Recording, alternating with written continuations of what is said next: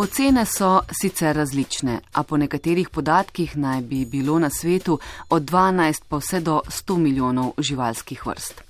Dejstvo pa je, da ne glede na to, koliko jih je, jih bo velika večina izumrla, preden bomo sploh vedeli za njihov obstoj. Da bi ohranili vsaj del njih, vsaj njihovo DNK, se trudijo tudi v mestu Nottingham v Veliki Britaniji. Vzorce zbirajo že dobrih deset let, a zgodba je starejša.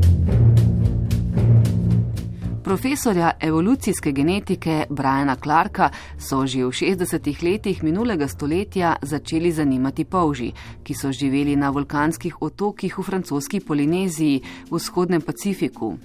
Skupino kolegov so tam preučevali prav posebno le nekaj 10 mm veliko vrsto polža. V ekipi je bila tudi žena profesorja Clarka N., ki se je ukvarjala z reprodukcijsko imunologijo in je imela nalogo zbirati polže. Tam se je potem začela dogajati tragedija. Avtohtone vrste polžev so začele izginjati. Kaj se je torej zgodilo v francoski Polineziji? Najprej to, da so na otoke, na polžje farme, pripeljali orjaške afriške polže, ki so jih gojili za prehrano. Ti pa so s farem pobegnili in ker niso imeli naravnih sovražnikov, so se namnožili in začeli uničevati pridelke. Spomnim se, kako sem šla po cesti in ni bilo mogoče narediti koraka, ne da bi stopil na polža. Potem pa so, da bi zajezili njihovo število, na otoke pripeljali kanibalske polže, vrsto iz Južne Amerike. Tem pa pobegli afriški polži niso bili všeč. Raje so se hranili z otoškimi polži in več kot sto avtohtonih vrst, ki so jih preučevali znanstveniki, je začelo izginjati. That's how it all started, and we brought back snails to London Zoo, where they created a conservation breeding program of them, which has been very successful. Naša ekipa je potem nekaj vrst izginjajočih polžev z otoka odpeljala v londonski živalski vrt, kjer so začeli program za ohranitev populacije. Ta je, mimo grede, zelo uspešen. Zamrznili smo DNK in polžje celice, da bi svoje študije lahko nadaljevali tudi leta pozneje. In takrat smo se začeli spraševati, dobro, nekaj vrst polžev imamo, kaj pa ostale ogrožene vrste, Ko smo pogledali, kako daleč je zamrzovanje DNK-ja, nismo našli prav veliko narejenega. Takrat je bilo le nekaj poskusov in projektov skranjevanja sperme in jajčec. Po večini so znanstveniki skranjevali vzorce za svoje raziskave, potem pa so jih zavrgli.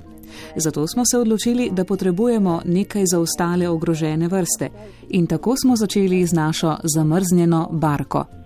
Something for other species, and we came up with the oznak kot pravi Anne Clark, pri večjih vrstah živali vzamejo majhen del njihove kože, če pa gre za vrste, ki so majhne, kot so insekti, zamrznejo v sosebek. To počnejo znanstveniki po vsem svetu. Vzorce potem pošljajo v laboratorij v Anglijo, kjer jih zamrznejo pri zelo nizkih temperaturah. V zamrznjeni barki skranjujejo tudi spermo in jajčeca živali ter celice, kar pa je bolj zapleteno. Well, we have, um, Sodelujemo z 22 svetovalci iz vsega sveta, ki prihajajo tako iz živalskih vrtov, muzejev, akvarijev in drugih znanstvenih ustanov. Verjamemo, da vsaka država dela na podobnih projektih in da imajo države svoje zamrznjene barke ali kaj podobnega. Saj znanstveniki v svoji državi najbolje vedo, kakšno je stanje glede ogroženosti vrst pri njih, kar je bolje, kot da bi bila nekje v eni državi neka glavna ustanova. Last count, but of course it's always going up um, there were over 48,000 samples um, from 5,500 species stored down.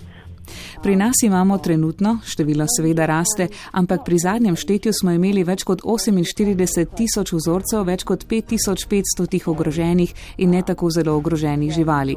Težko je namreč reči, kje je meja, saj je vedno več živali na seznamu ogroženih.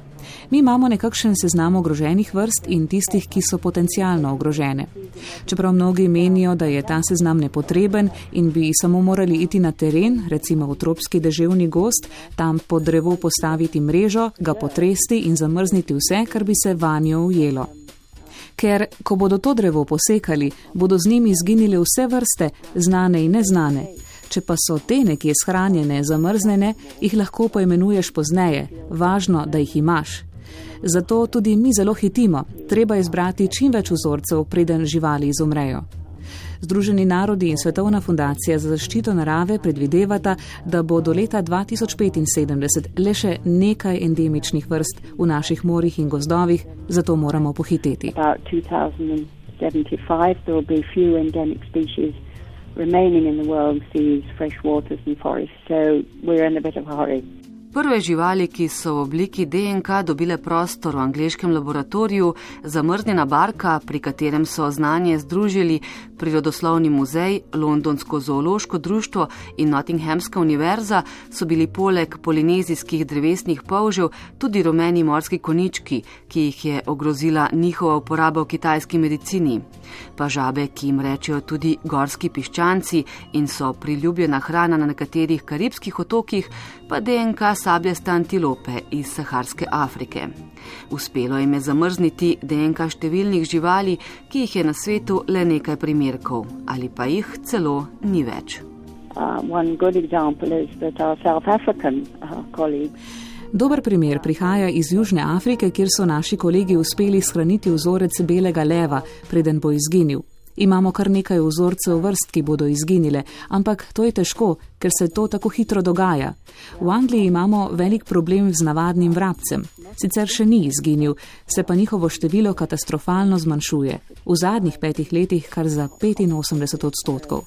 By about um, 85% in the last five years kot pravi Anne Clark, soproga pokojnega profesorja Briana, ki je začel projekt Zamrznjena barka, je težava v tem, da ne poznamo vseh živalskih vrst.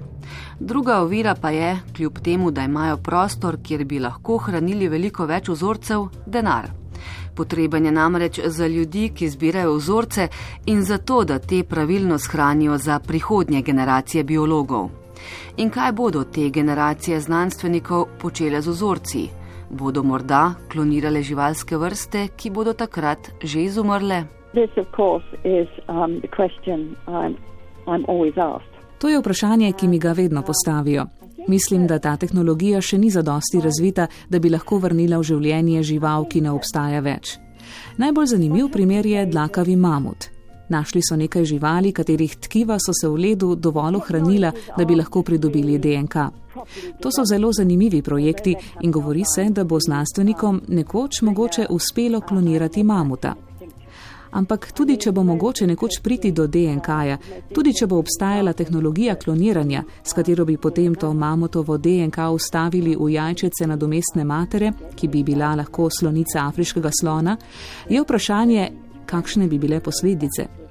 Eno je gotovo, ali je vredno, da zaradi teh poskusov, ki so zelo dragi, umrejo slonice, ki bi bile vključene v proces.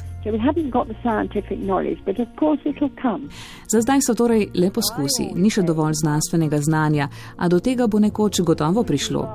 Jaz vedno pravim, kaj bi raje, da bi ogrožena vrsta, naprimer slon ali nosorog, poskakovala po travnikih ali da bi izginila.